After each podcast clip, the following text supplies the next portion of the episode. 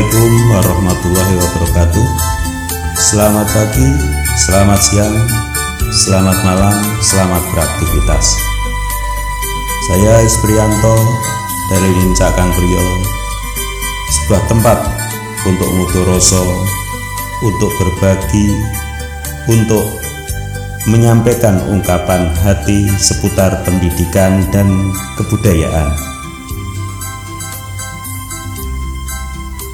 Pada episode kali ini atau episode yang pertama dari saya, saya akan ngutoroso tentang tanggung jawab guru di masa pandemi COVID-19.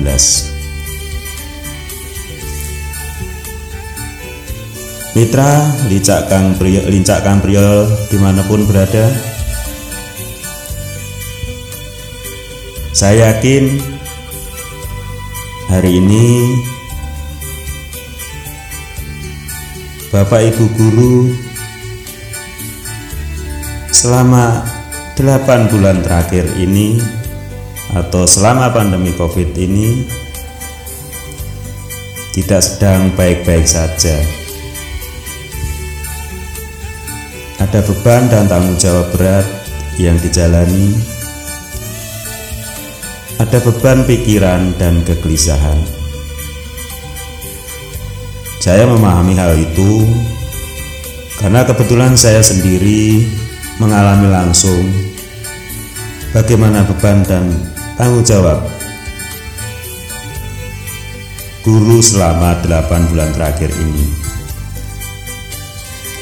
dari pagi hingga jelang tidur tengah malam. Ya, pokoknya di luar kebiasaan selama ada wabah corona di Indonesia ini.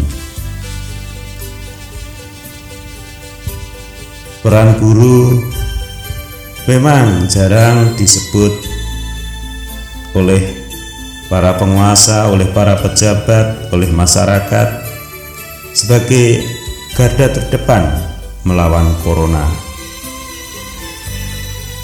Ya tetapi jangan pernah sama sekali mengabaikan fungsi dan perannya. Jangan menilainya punya banyak waktu beristirahat semenjak adanya kebijakan pemerintah memindahkan proses belajar mengajar ke rumah. Justru masa sekarang ini guru punya pekerjaan yang berlipat, jauh lebih berat dibanding mengajar di dalam kelas jauh lebih sulit dibanding bertatap muka langsung dengan siswa-siswi di sekolah. Kayak seperti sebelum ada wabah corona. Mereka tak mengenal istilah siang atau malam. Benar-benar hari yang menguras pikiran dan waktunya. ya, terutama untuk guru yang tak abe dari tanggung jawabnya tentunya.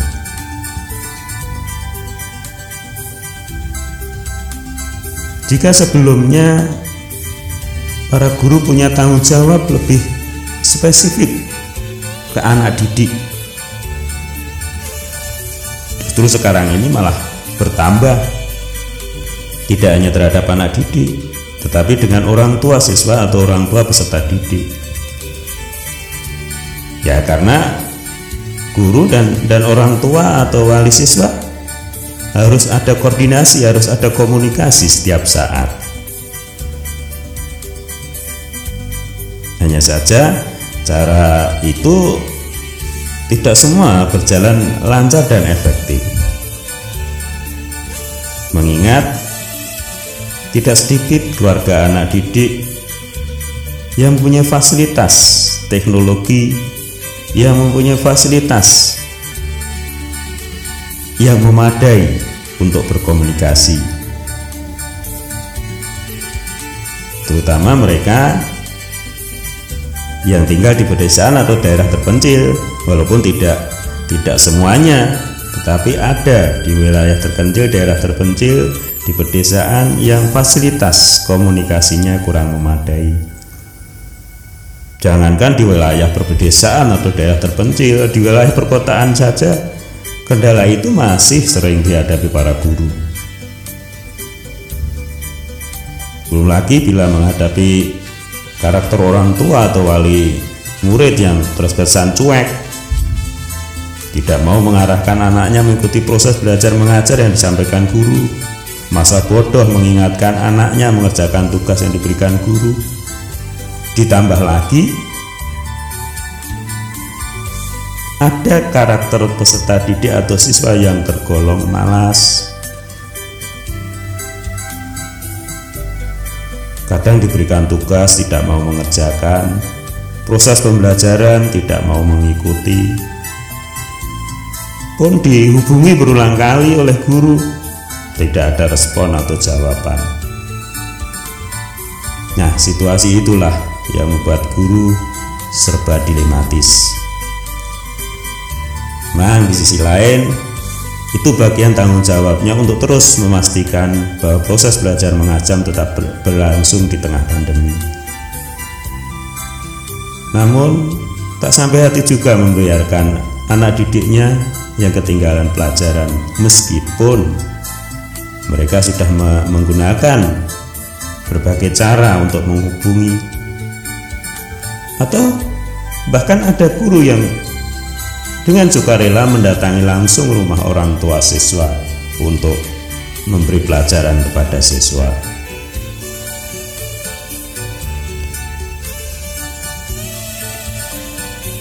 Tugas dan tanggung jawab yang tak kalah beratnya dihadapi sejumlah guru adalah persiapan ulangan harian atau persiapan ulangan tengah semester ulangan semester secara online. Di samping harus menyiapkan soal untuk ulangannya, guru juga harus memastikan terlebih dahulu semua anak didiknya punya perangkat teknologi yang dibutuhkan untuk mengerjakan soal-soal ujian atau tidak. Punya akses internet atau tidak. Nah, kalau tidak, ya minimal memastikan bahwa anak tersebut meminjam sementara ke keluarganya atau kerabatnya yang lain agar bisa mengikuti ulangan atau ujian secara online tersebut. Setelah ulangan, Guru harus memeriksa hasil ulangan atau hasil ujian atau bahkan tugas yang diberikan. Ini juga tak kalah ribetnya. Juga membutuhkan kesabaran dan menyita banyak waktu. Harus dilihat, dikoreksi, baik melalui fasilitas yang ada mungkin WhatsApp atau mungkin juga Google Classroom. Atau mungkin uh, pakai Office 365 ya pokoknya platform yang digunakan oleh sekolah tersebut. Setelah dikoreksi diperiksa diinputkan satu demi satu nilai anak ke laptop atau komputer. Setelah selesai baru diserahkan nilainya ke masing-masing wali kelas itu semua kalau lancar dan semua peserta uh, semua siswa mampu memenuhi target yang sudah ditentukan.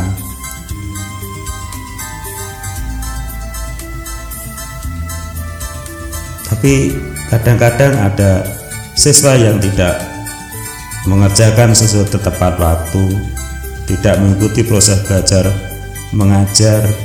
Nah itulah yang yang bikin atau yang membuat waktu guru tersita.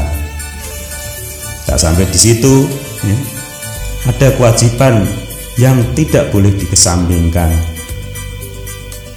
Di antaranya adalah pembuatan perangkat pembelajaran, silabus, RPP, walaupun sekarang mungkin sudah disiapkan oleh pemerintah. Tapi ada laporan pertanggungjawaban lainnya yang harus disiapkan, harus diselesaikan guru sesuai batas waktu yang ditentukan.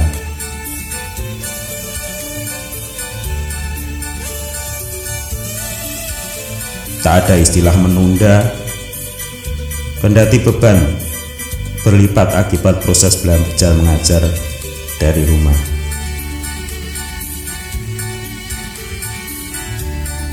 Tambahan lain kesibukan guru kalau seorang guru itu menjadi wali kelas atau mungkin ada tambahan tugas menjadi wakil kepala sekolah.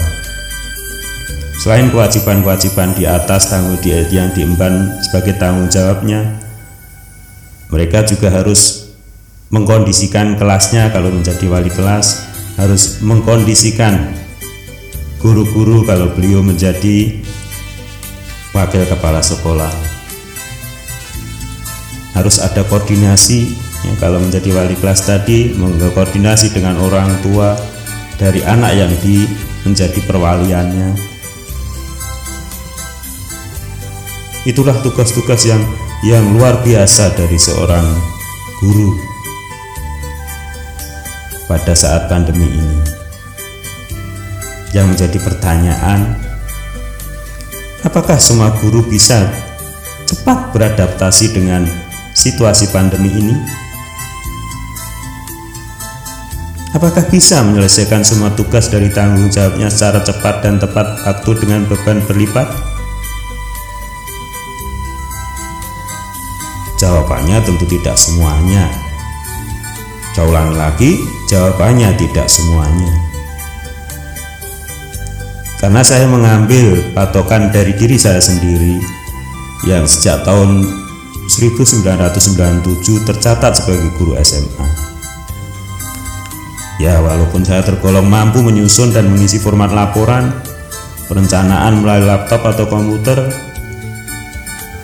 ya juga tak kaku dalam menerapkan proses belajar mengajar secara online. Wilayah tugas saya pun di perkotaan yang akses informasi dan fasilitas teknologinya lebih terjangkau dibanding wilayah terpencil. Tetapi saya terkadang masih kewalahan dan pusing. Padahal dari pagi hingga malam saya sudah berusaha menyelesaikan dan menjalankan tanggung jawab itu. Ya tentunya terlepas dari kekurangan yang saya miliki Nah, bisa dibayangkan bagaimana dengan tenaga pendidik yang tergolong kaku dan kurang melek dengan fasilitas teknologi? Pasti jauh lebih pusing dan ribet dalam menjalankan tanggung jawab dari rumahnya. Maklum, tidak semua guru melek teknologi masih banyak yang terbiasa dengan pola belajar mengajar yang lama secara konvensional tentunya. Masih ada yang belum terlalu mahir menyusun laporan melalui laptop atau tab atau di komputer serta perangkat lainnya masih tidak sedikit justru siswanya jauh lebih lancar, jauh lebih pintar mengoperasikan fasilitas teknologi itu.